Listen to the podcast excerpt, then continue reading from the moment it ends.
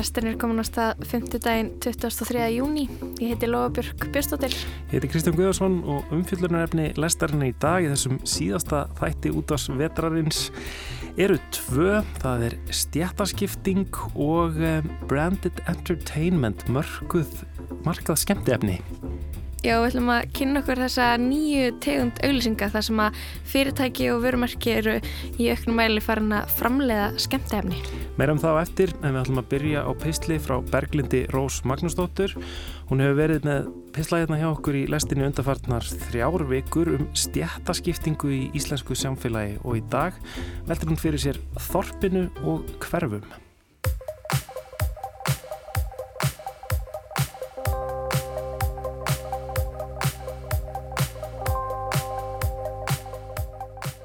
Ríkjandi ströymar samtímans bóða að við slítum okkur laus úr hlekkjum vanans, losum okkur úr ættjarðar og uppruna fjötrum, skerum á það sem festur okkur við tiltekinn stað eða stund. Við eigum að vera frjálsins og fugglinn. Sveianleiki, frelsi og virkni eru kjörorð samtímans. Með virkn okkar á elju eigum við að skilgren okkur upp og nýtt eins og við sjálf kjósum að skilgren okkur og slíta þau tengsl sem trubla þessa sjálfsköpun. Við sem ólumst upp í fámenninu, í sveitinu eða sjáarþorpinu lærðum annan hugsunarhátt. Við lærðum að viðhald samfélagsins var bundið því að fólk hugsaði ekki bara um eigin frama eða sjálfsmynd, heldur hjálpaði stað. Hugsunarháttur sem þróaðist vegna þess að náttúruhamfarir, sjóslis og óvænt vorrett voru sífælt nálægur möguleiki. Óvissan og ótrygg afkoma voru förunautar okkar. Til að lifa af var nöðsynlegt að hugsa stórt en einni í smáum skrefum fyrir samfélagið í heilsinni.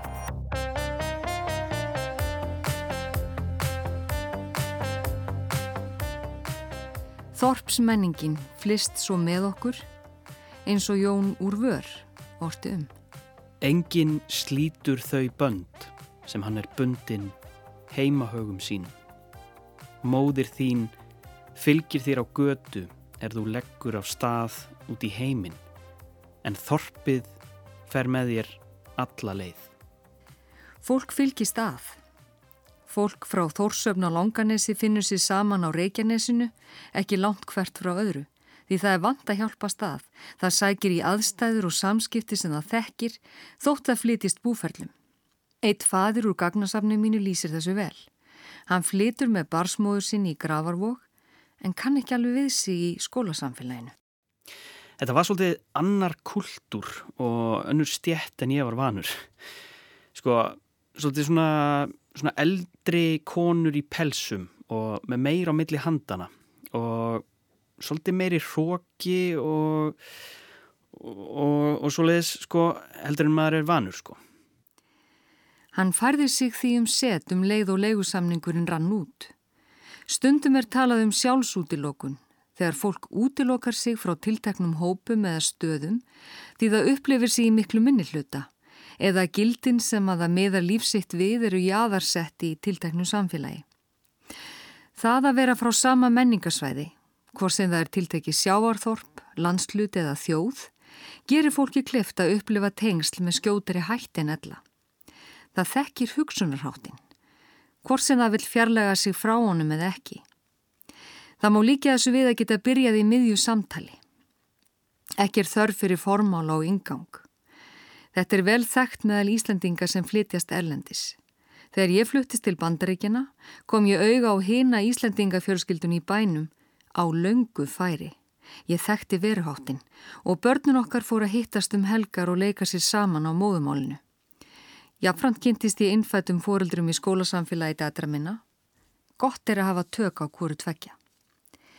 Þeir sem upplifa sig og skjön í upprunasamfélaginu, hvort sem það er vegna áhuga mála, kynhegðar eða skoðana, þeir eru líkleri til að losum fyrir tengsl og leit upp í ný.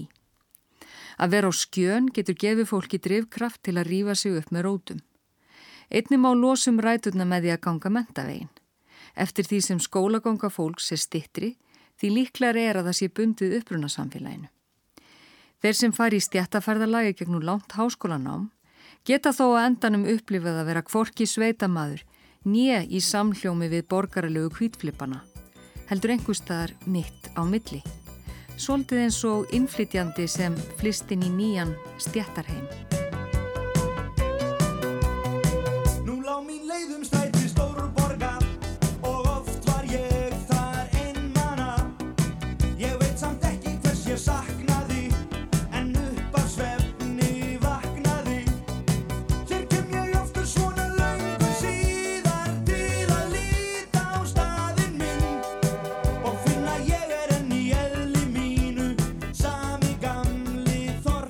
Þetta er það sem franski félagsfræðingurinn Pierre Bourdieu kallaði klófin veruhátt og getur einst fólki dýrkeft ef ræturnar festast hvergi eða glatast.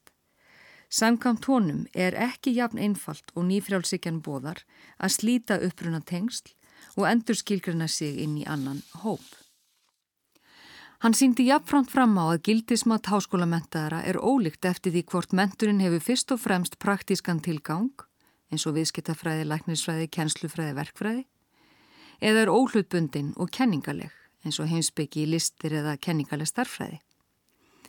Um þetta má lesa í grein okkar auða Magdísar og Kolbeins þar sem lista og kenningafólki þyrpist saman í tiltekin hverfi á höfuborgarsvæðinu meðan foreldrar með háskólamentun sem tengjast viðskiptavettvanginum þyrpast saman í önnur hverfi. Þannig má greina stjættbunna aðgrinningum meðal háskólamentaðir í Reykjavík í gegnum búsetuval. Árið 2016 var eitt skólakverfi í höfuborginni þannig samansett að helmingur nefnenda átti foreldri sem tilherði ríkustu 20%. Í ljós kom jáfnframt að ríkidæmi og kvítleiki hverfana heldist í hendur. Í öðru skólakverfi Reykjavíkur áttu nánast allir nefnendur skólans háskólamentaða foreldra og helmingur þeirra átti fóreldir sem hafði að minnstakosti loki meistar eða doktorsnámi.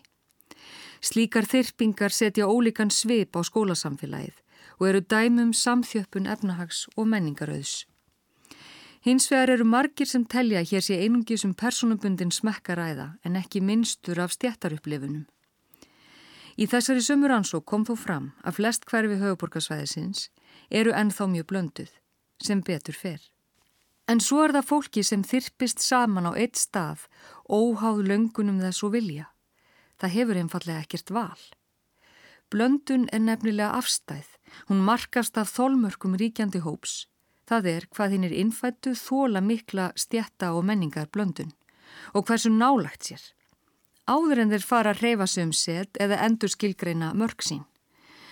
Rannsókn frá Kaupmannahöfn síndi að þegar innflytjandur fóru upp fyrir 35% í skólasamfélagi, fóru innfættir fóreldrar ímist að flæða burt úr skólasamfélaginu eða hætta að kaupa húsnæði innan skólakvarfisins. Þessi enkenni þekkjum við einni hér í íslensku borgarsamfélagi. Umpólun getur jafnvel átt sér stað milli skólastega í sama bæjarfélagi. Marja sem er dóttir innflytjanda af asískum uppruna var vel tekið af skólafélagunum í grunnskólanum En þegar komið var í framhaldsskólan breyttust leikaraglutnar í nefndasamfélaginu og henni var ekki lengur velkomið að sitja með gömlu félagunum í matsalnum. Í þessum framhaldsskóla samanstóð hvert borð í matsalnum af nefndum úr tilteknum bæjarfélagi hverfiða grunnskóla.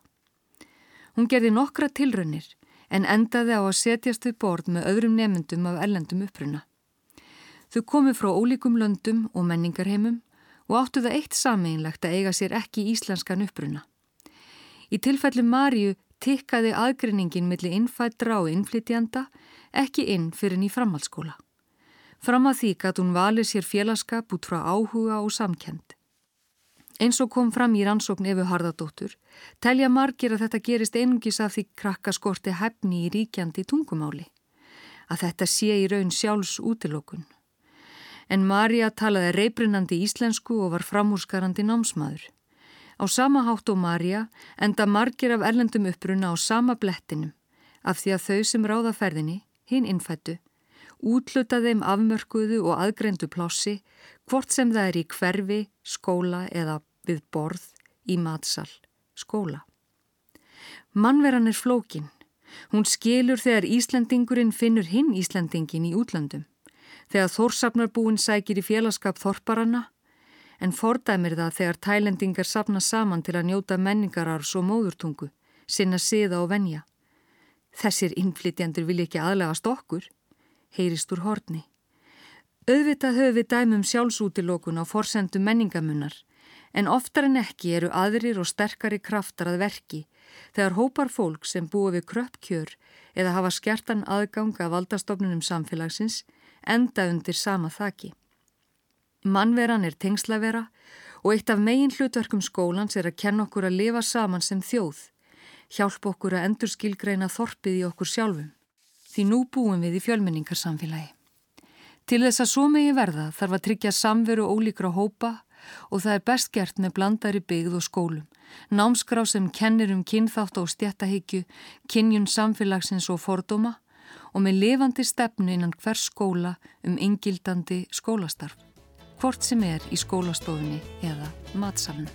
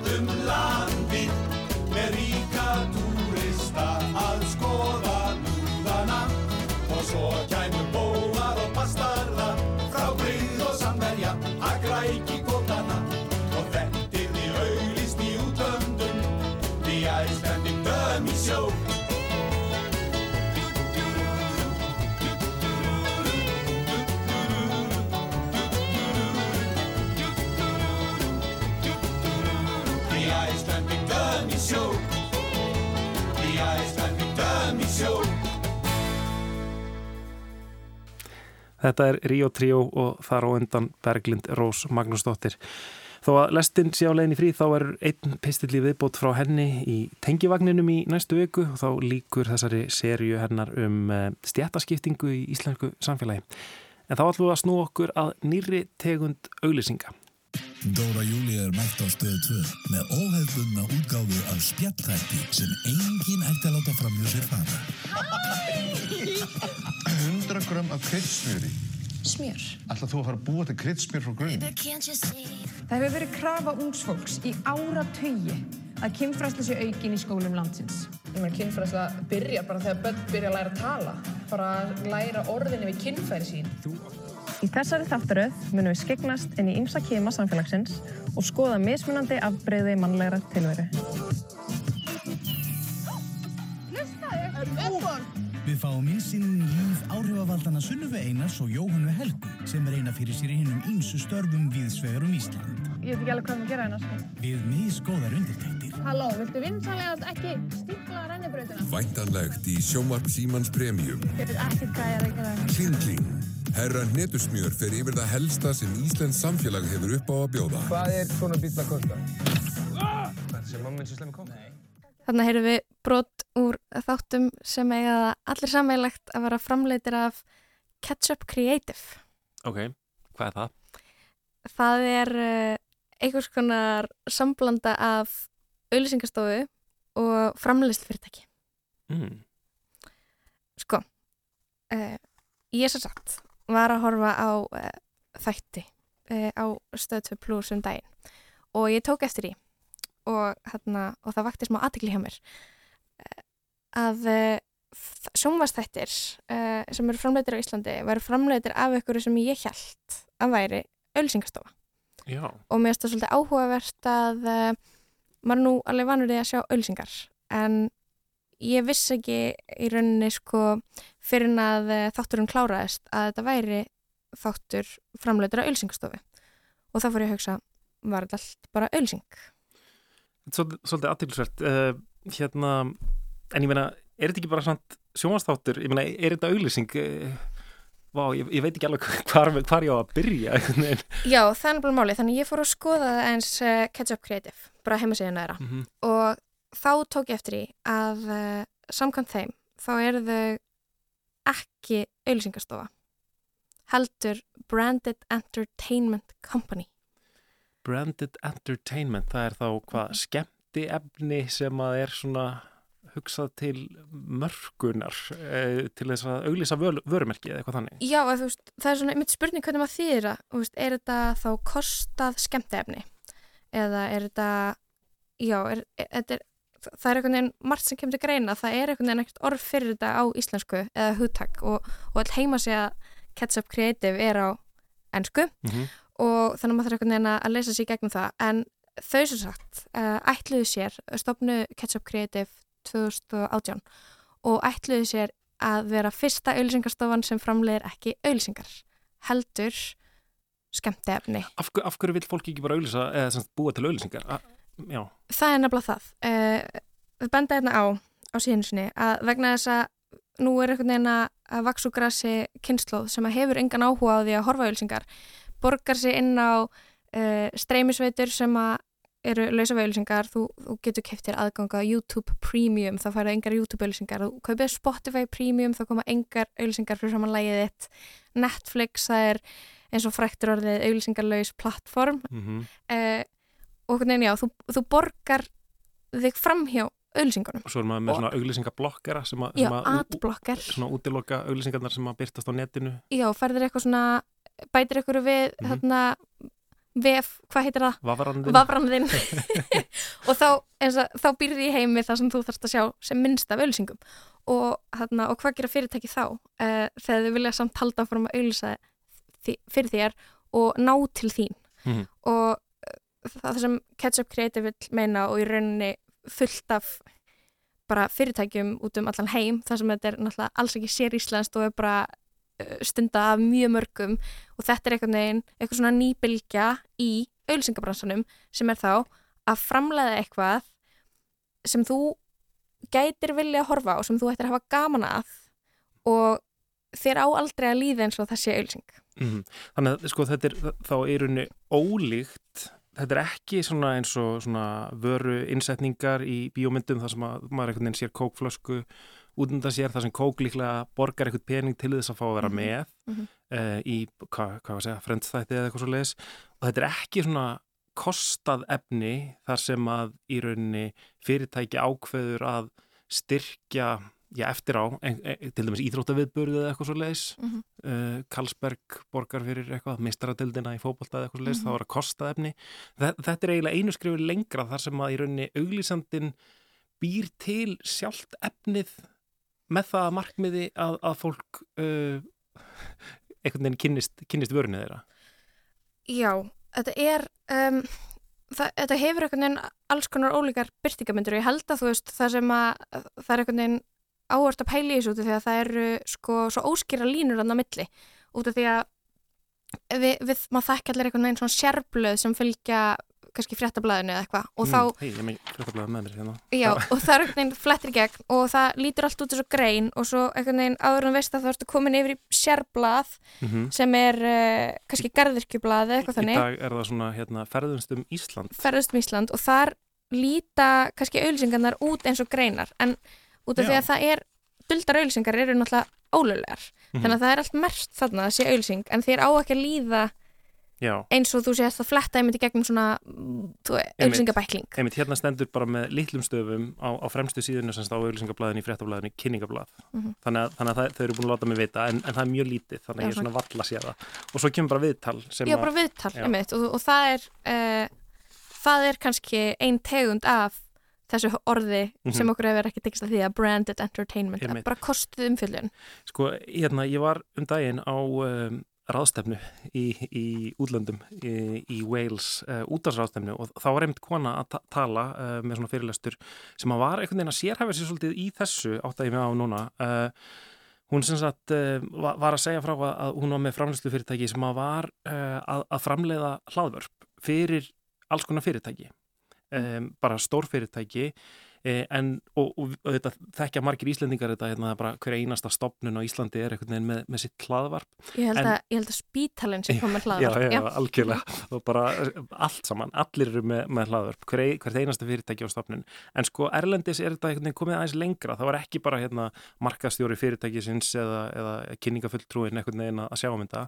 Heldur eru uh, sjálfstæði fram, framleiðslu fyrirtæki sem er að framleiða mjög góða hlaðvarpstætti um, viðtalsþætti um efni sem að svona tengist óbeint fyrirtækjanum og ég svona tók, tók aðeins saman hérna um, sko til dæmis eru vinsalir hérna viðtalsþættir það sem eru svona djúb viðtöl við sigursæla íþróttamenn sem heita The Secret to Victory og bara Serena Williams og hérna manningbræðurnir hérna amerísku fótballtakaðurnir og og þetta er framleitt af Gatorade og það kemur eiginlega aldrei svona almennilega fram það er bara svona, svona lítill miði.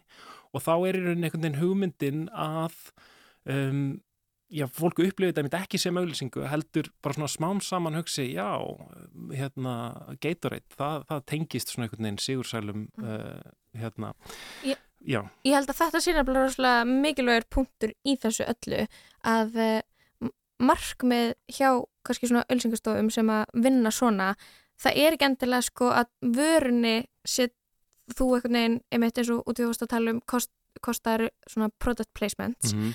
að þú sett alltaf að sjá geiturutflöskuna eða þú sett alltaf að horfa á snakkpókan eða bílinn eitthvað heldur að þú einhvern veginn þú, sko, annað sem ég verð síðan að koma inn á er að já, þetta skapar jákvæð hugrenningatengst Einmitt. við fyrirtæki og vöruna Einmitt. og þú ferð að mynda samband og hérna þegar ég var að skoða einmitt Ketchup Creative heimasíðuna og bloggið sem uh, þar sem þau eru með, þau eru með heila bloggfæslu sem útskýrir hugmyndafræðina á bakvið Branded Entertainment þá er það að ekki, ekki reyna að selja ykkur um eitthvað einu sinni heldur gera áhöröndur að aðdöðendum fyrirtækisins að þér tókst að búa til eitthvað sem er svo skemmtilegt og áhugavert, fróðulegt og stendur eitt og sér Já. að þú verður aðdöðandi sem gerir þig náttúrulega miklu tryggari Mhm. neytanda heldur en að þú sást eitthvað í sjónvarsauðlýsingu og keftir einu sinni og svo fílar það ekki.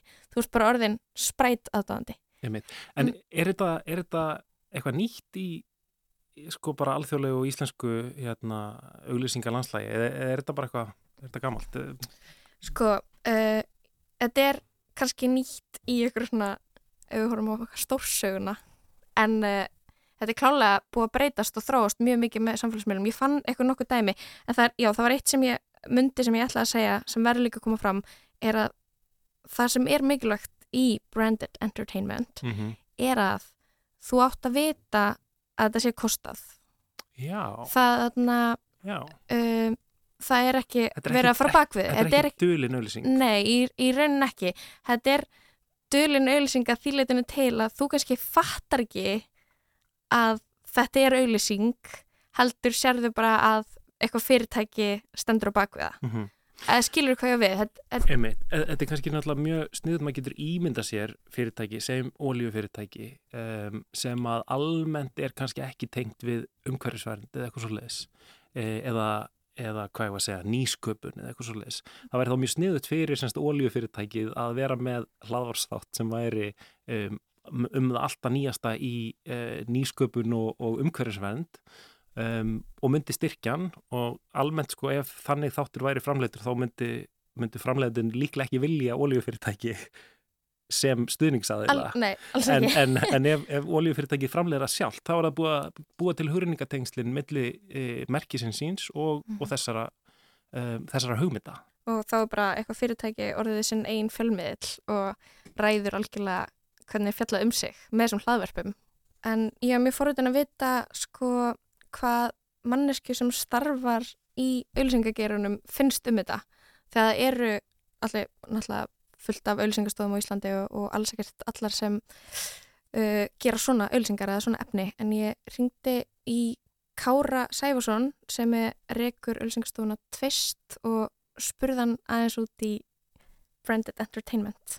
Mér, mér finnst það velta rosalega mikið á innihaldin uh, og svona hversu mikið uh, fyrst og fremst hversu heiðar, heiðarlega það er gert og, og hvað vörumerkið sem að er að kosta efnið hefur fram að færa. Hvort það er eitthvað skemmtilegt eða gaglegt eða fræðandi og, og hvort að vörumerkið hefur eitthvað, trúveruleik á því sviði. En er þá, uh, ef að vörumerki hefur trúvaruleika, er þá, uh, eru þá eitthvað fórsundu fyrir því að fara að uh, skapa einmitt skemmtefni út frá einhverjum hugmyndafræði, einhvers fyrirtækis eða já, einhver, einhvers vörumerkis uh, þar sem fólk einhvern veginn heldur að það sé að sjá kannski bara einhverja maturíslu þætti en er í raun að horfa á krónu auðlýsingu. Ef að krónan er svona gott vörumerki eiga þá öll stóru vörumerkin bara að fara að búa til sjómanstætti og skrifa bækur ef þau eru, ef þau eru með eitthvað, eitthvað sterkar sögu að segja Mér finnst það sko, það veltur bara svolítið á samhengin og það veltur á því hvort að e, sko fyrirtæki þurfa að koma sínum, sko fyrirtæki þurfa að búa sér til sínileika og eigi einhverju samtali við neytendur. Og það að búa til efni er bara ein leið af mörgum.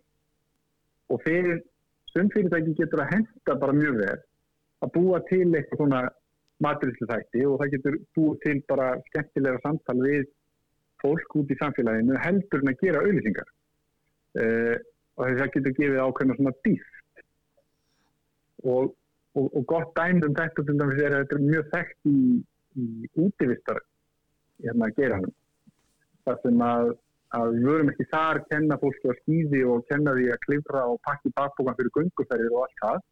Jafnframt því sem við verðum að sína líka þess að við verðum að framlega og, og það finnst mér vera oft ágætist dæmi um það sem þetta er gert á svona þokkalega heiðarlegan hátt. Þar sem þú færði eitthvað fræðslu en í leiðinni er fyrirtæki að sína þér vöruna sína Já, aðtilsvært um, Kári notaði þarna hugtak sem að orðið mér er orðið svona æg huglegnara sem er hugtakið efni sem er, hann notaði örgulega sem þýðingu á, content.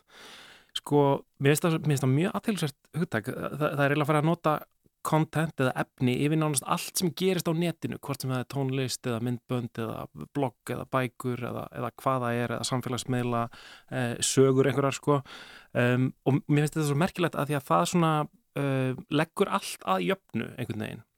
Áður fyrir þegar hlutir voru ekki á netinu þá einhvern veginn að, að, að lesa bók á pappir var einhvern veginn eitthvað grundvallar annað heldur en það að hlusta á plötu á vínilspilara eða eitthvað svo leiðis en, um, en núna einhvern veginn er þetta allt bara einhvern veginn svona upplýsingapakkar og þetta er allt að keppa um aðtiglin okkar.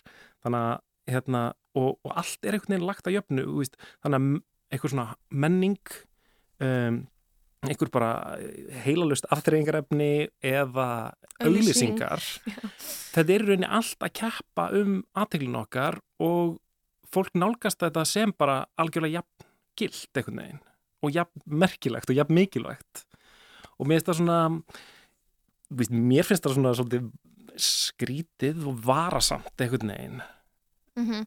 Já, en það er líka bara einhvern veginn en það eru samt svona einhvern veginn alls konar vinklar á þessu sem er eitthvað hvað þú ert en, og því að núna er einhvern veginn að vinna við það að vera content creator mm -hmm. og efnisframleðandi efnisframleðandi og, og það er bara manneska sem að mitt býr til efni fyrir sam, kannski fyrir samfélagsmiðla eða öllum líkindum, kannski bara eitthvað sem er ótrúlega klára á Instagram ótrúlega fyndin, getur gert eitthvað svona fyndi grín eða fyndi vídeo eða flotta myndir.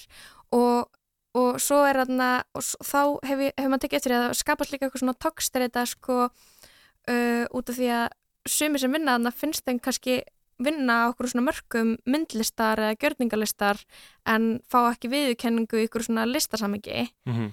en svo er, svo er þarna hinpóllin sem er fólki sem að vinna við eitthvað sem er muni líkara því bara að vinna á auðlýsingastofu að að, að fólk sem er eitthvað neginn já, að velta mjög ólíkum hlutum fyrir sér og nota uh, vettfangin interneti til sköpunar er einmitt, eins og segir bæði kallað content Mhm, einmitt. þannig að uh, algjörlega bara jafn gilt og, og Já, við, neytum en er þessa mjög efnis, ólíkt. já, neytum þessa efnis einhvern veginn á nákvæmlega sama hátt.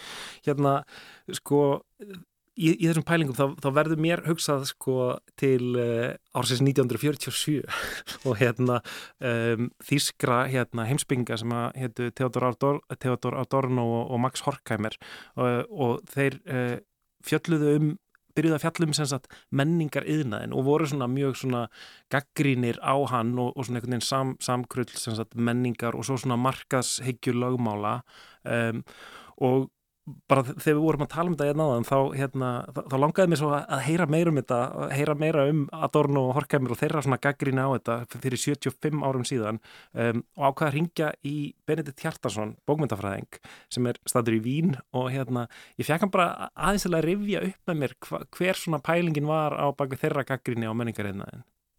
Það sem við sjáum í rauninni í eh, þeirra greiningu, þeir eru skrifum menningariðnaðin, þetta er kapli í, í meira riti hjá Horkamir og Dónu um, um dialektik upplýsingarinnar, þá eru þeir í rauninni að greina þarna þennan menningariðnað sem er að mótast og að mörguleiti kannski grunnurinn að bara þessu menningarkerfi sem við lifum við í dag. Og þá eru þeir að skoða í rauninni hvernig markaðshyggjan og markaðsöflin eru hægt og rólega, svo við notum það myndmál kannski í takt við textan, eru að svona herða tökin eða, eða læsa klónum í alla menningar framleiðslu. Og þá meðal annars að, að skoða til dæmis uh, sko bara, ef við tökum dæmi uh, útsendingar á, á klassískum tónverkum uh, sem eru sko styrtar eða kostaðar af, af hérna, fyrirtækjum á þeim tíma. Þannig í rauninni allt tónverki verður eins og þeir skrifa eins og einn ein risavaksin auðlýsing. Uh, menningar afurðir fara að verða í rauninni eins og hver annar uh, varningur á markaði. Mm -hmm. Það breytir allri upplifun og reynslu af uh, listinni eins og þeir líti á það. Og, og af hverju álituð þeir það vera áhyggjuefni? Það er í rauninni hægt að segja að það liggur að einhverju leiti því hlutverki sem þeir, þeir eigna listinu og fagurfræðinni. Það er að segja upplifunin af listaverki er frá þeirra sjónarhóttni eitthvað ekki bara mikilvægt. Við getum í, í, sagt í einhvern skilningi jafnvel sko býð í því ákveðin, ákveðin helgi. Það er einhver ósvíkin upplifun þar. Mm -hmm. Þar sem að uh, einstaklingurinn kemst í tæri við einhvers konar aðra þekkingu í, í gegnum uh, eða með í rauninni í upplifurinni á listaverkinu. Það er þetta, þetta samband og það er þessi reynsla sem að fer að hverfa. Þannig að listaverki fer að hverfast um í rauninni eitthvað annað, þetta fer að verða á kunum föstum hlut, þetta fer að verða í rauninni að markaðsvarningi eins og hverjum öðrum.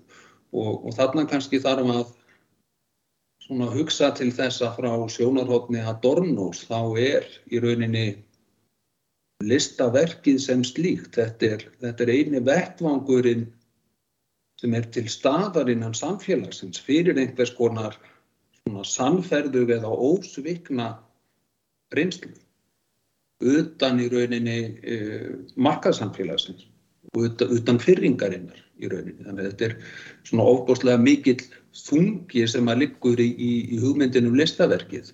Þetta er náttúrulega svona mun, hvað ég var að segja, háleitari, romantískari e, sín á listina heldur en kannski svona við í dag í postmodernísku samfélagi þar sem að það sem einhvern veginn afþreyingar efni er tekið jafn alvarlega og eitthvað hámenningar efni e, þar sem allt er efni, allt er content. E, þannig að þetta er einhvern veginn svona gjör ólík sín sem þeir höfðu þarna fyrir 75 árum og þeir voru svona einhvern veginn að sirkja að þetta væri að breytast veginn að, að þetta helga hlutverk listarinnar væri einhvern veginn að hverfa inn í afþreyingar yfirnaðin, inn í auðlýsingaðinaðin Emmitt, og kannski erum við og kannski erum við einhvern veginn löngu búin að samþykja auðlýsingar sem bara svona sjálfsagðan hluta veruleik okkar og, og bara eins og eins og við vitum þá er einhvern veginn Super Bowl auðlýsingar hlið mest á áhorði áhorði mínútur í sjónvarpi og, og fólk býð, býður eftir auðlýsingunum jafn mikið og, og leiknum. Já, fólk er bara spennt að býða eftir þessum auðlýsingum og, og það er einhvern veginn orðan líka skemmtefni þannig að og við vitum einhvern veginn alveg að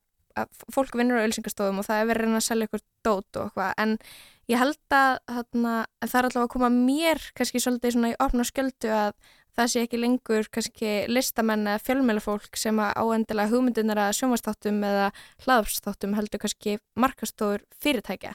M mér finnst þess að það sé alveg skrefinu lengra heldur en til dæmis bara um eitt klassískir tónleikar í bóði fyrirtækis. Mm en maður veldi fyrir þess að samt svona hvað maður er hrættur við mm -hmm. en mér er svona áhugavert uh, að það sem að Bendit Hjartarsson var að segja um Adorno rýma aðeins við það sem uh, ég var að ræða við hann að Byrnumarju Mástóttur sem að starfar á Ölsingastofu og her sjónvarskona og hefur unni útvarpi og sjónvarpi og uh, hefur komið að gerða svona branded entertainment efnis mm -hmm.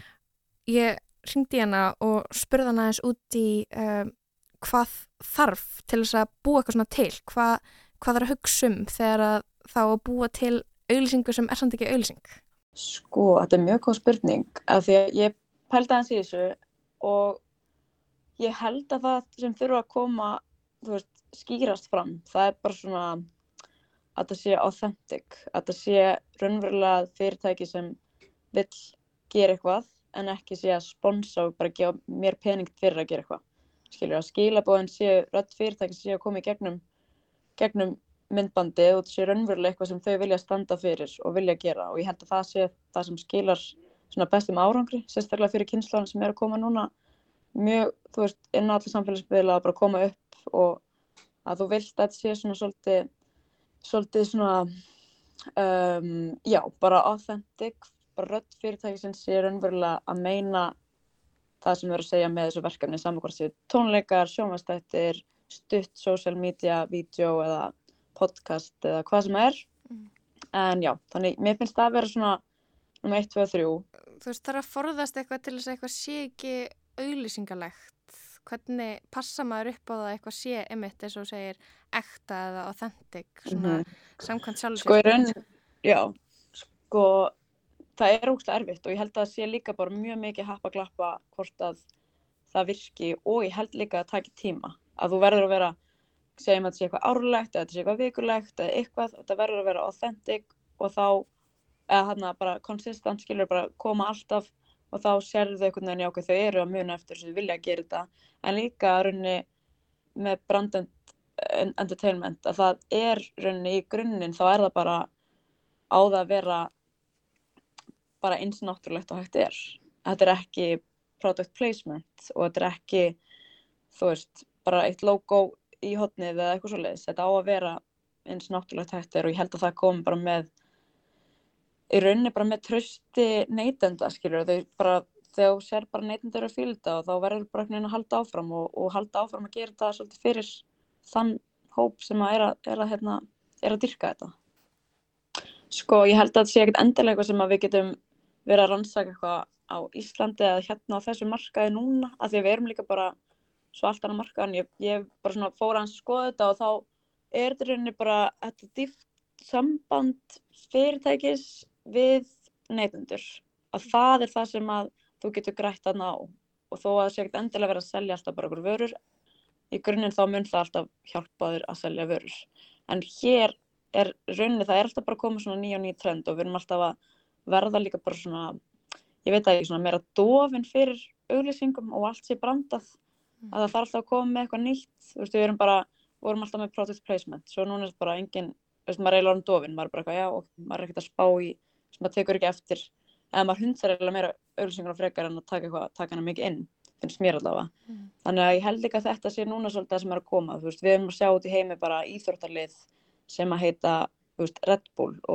að uh, þú veist, bíómyndir og það er allt þetta dót, all, allar þessar hátíðir og alls konar dót sem að er núna bara komið alltaf eitthvað branding á og ég er bara sjálf fann að taka eftir að ég er fann að hlaupa í sumar og öll hlaupin sem ég tek þátt í eru alltaf eitthvað þetta, þú veist, Suzuki í þetta og þú veist, Nike og allt þetta bara, þú veist uh, fyrirtæki eru alltaf að reyna að leita einhverjum nýjum leiðum sem að reyna búa til svolítið svona sinn heim líka fyrir fyrirtæki Mm. sem er alveg flott en það verður einmitt að make a sense, finnst mér Já, merkilegt að Birna Marja nefnir þarna Red Bull sem er náttúrulega eiginlega kannski frumkvöðla fyrirtæki í þessari tegund uh, markaðsetningar hafa náttúrulega í mörg ár verið einhvern veginn að skipulegja sína eigin íþróttaviðburði í svona jáðar íþróttum mikið uh, og eru núna nýlega farnir einhvern veginn að uh, eiga sín eigin íþróttalið, fótboltalið sem hafa bara nefna eftir fyrirtækinu og, og voru líka lengi með svona, þú veist, uh, svona eiginlega fjölmiðla veldi nánast, þú voru mjög það voru að gera ótrúlega skemmtilega hluti í svona jáðartónlistar uh, hérna, umfjöllun og miðlun og í rauninni var á tímabili eiginlega bara besti staðurinn til þess að sækja eitthvað svona greiningu á, á menningarfyrirbærum og eitthvað svoleiðis, var bara í gegnum Red Bull En já, ég veit það ekki, hérna, maður er búin að sjá það lengi í útlöndum en, en ég veit það ekki, er þetta búin í gangi á Íslandi líka? Hvað dæmið þetta mann í höfu? Já, maður kannski bara svona í tengslu við, bara fyrst og nefnir Red Bull, þá getur maður nefnt kannski bara Iceland Airwaves Já, sem brandaðan viðburð, brandaða skemmtun. Já, nákvæmlega. Ég meina, var ekki hugmyndin að, hluta til uh, að Æslandir vildi fá uh, ferðamenn á, á í rauninni svona tíma þegar engir ferðamenn mættu sem Jú, var oktober-november. Mhm. Já.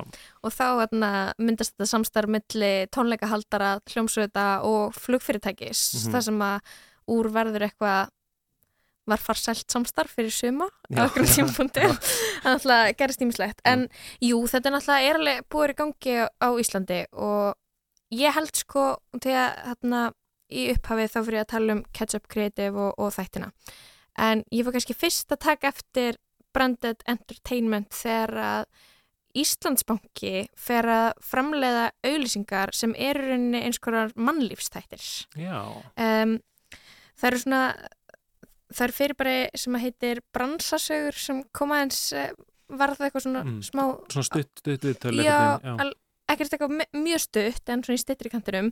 Ekki eitthvað svona ein mínúta sem er eitthvað svona lengt internetsins uh, já, ég fyrir að tekka eftir í á samfélagsmiðlum að, að Íslandsbanki er að gefa út þætti sem heita bransasögur.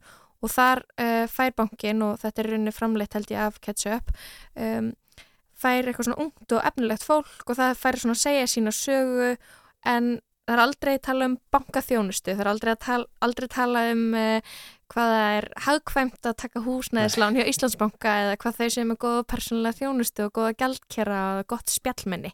Það er engar upplýsingar um Íslandsbanka uh, en þú ferði eitthvað svona gott viðtal Já, og, og Þú fer að tengja það við Já, Íslandsbanka. og fer að tengja allt, allt þetta góða, ungu, efnilega fólk við ímynd Íslandsbanka og uh, svo hætti að klárast bransasögur og næstið, næsta serja frá Íslandsbanka hétt Hreyfiaflið Mhm. og það var baráttu fólk, fólk sem er að leggja sitt á vóaskálanar til þess að gera samfélagi betra. Eitthvað Svona aðgera sinnar. Já, bara fólk sem að er að berjast fyrir hérna, betra samfélagi, Mhm. bara alls konar ólíkum áttum og það var alveg líka svolítið svona stefin í bransasögur, þar vorum við feminista karlmennskan, podcastið uh, fólk sem að einhvern veginn skar fram úr og þrátt fyrir að hafa Mhm. orðið fyrir mótlæti þetta er svona stemmingin, mjög svona PC, woke vætt, Mhm. auðlýsingaherferð Já. sem er ekki auðlýsingaherferð heldur mannlífstættir sem Íslandsbanki framleiðir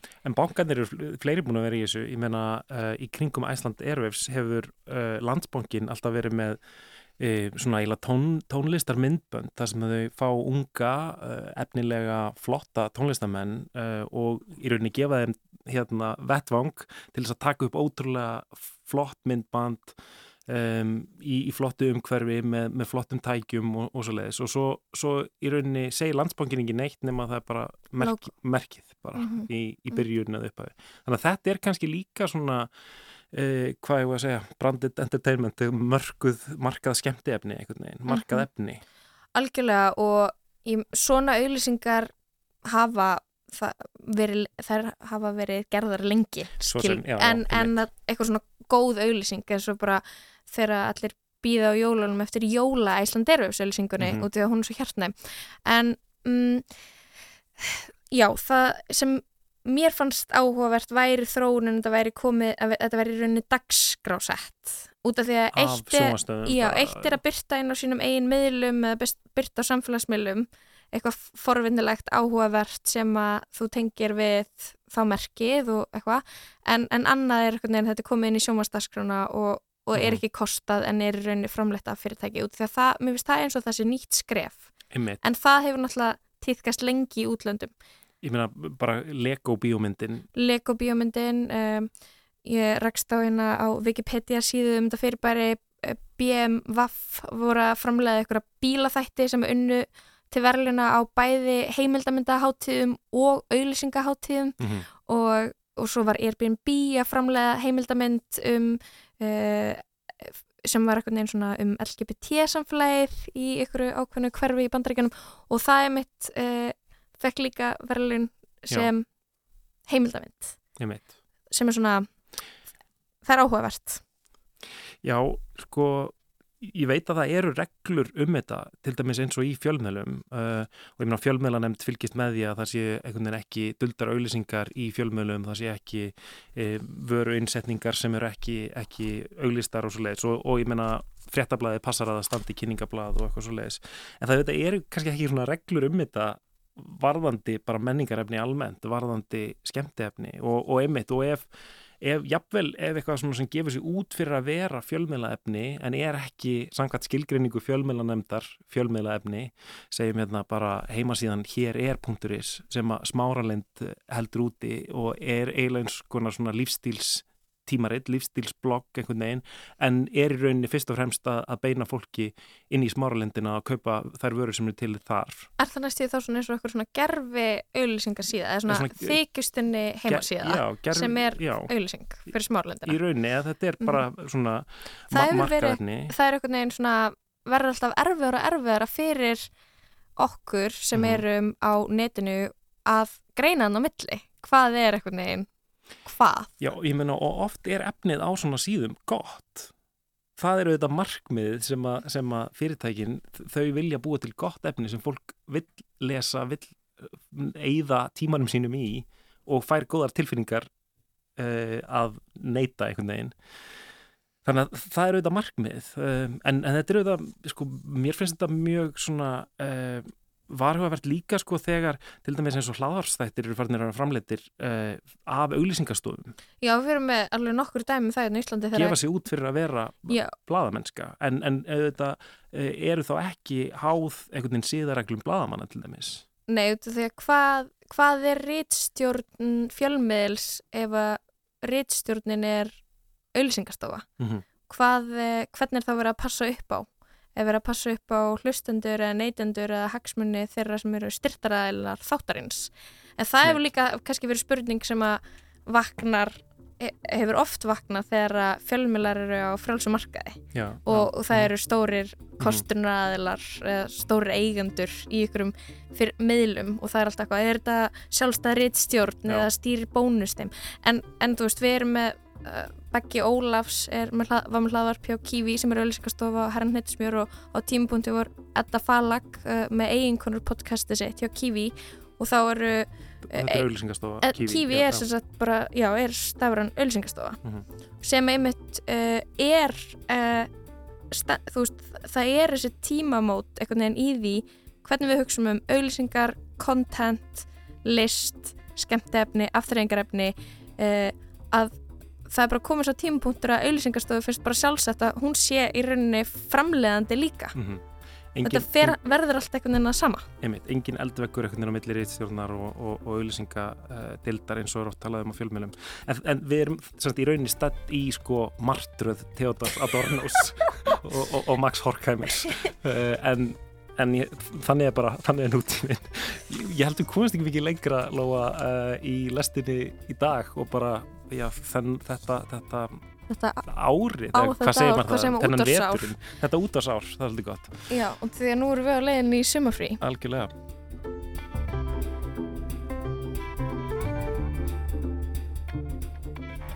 Já, við erum komin að leiðalokum í þessum lestarþætti Já, uh, tengivagnin byrjar í næstu viku, það er svona sumar menningaþátturinn á ráseitt og, og þá verður við í fríi með lestina. Þetta er gaman að enda á þessu svona uh, óvennilega stefi, hvernig, hvernig finnst þér þetta? Mér finnst það skemmtilegt, ég, ég veldi í fyrir mér sko hvort að fólk tæki eftir því. Hva, að við erum búin að breyta eins til svona í tilmyndags Önnur útgáfa af stefinu, en hún er svona svolítið drungalegri eiginlega. Þetta er ekki, ekki svona beint einhvern veginn, við erum að leiðin sumafrí, gaman, heldur meira eitthvað svona Eh, Ég held hún sé and, Sorg. anda reittstjórnastefnu lestarinnar sem var að vera ykkur ákvörðin tekin í senstu viku við ætlum að vera þunglind í sambandi við sumarið vera með ykkur á nokkra sumar melankóli pisla Já, þeir hafa verið nokkrir. En allavega, uh, við erum komin að leiðalokum, um, Takk fyrir undanfarnar mánuði já, takk fyrir samveruna. Um, ég heiti Kristján Guðjónsson, Ég heiti Lóabjörg Björnsdóttir og tæknumæður var Kormákur Marðarsson Verið sæl gleðilt sumar.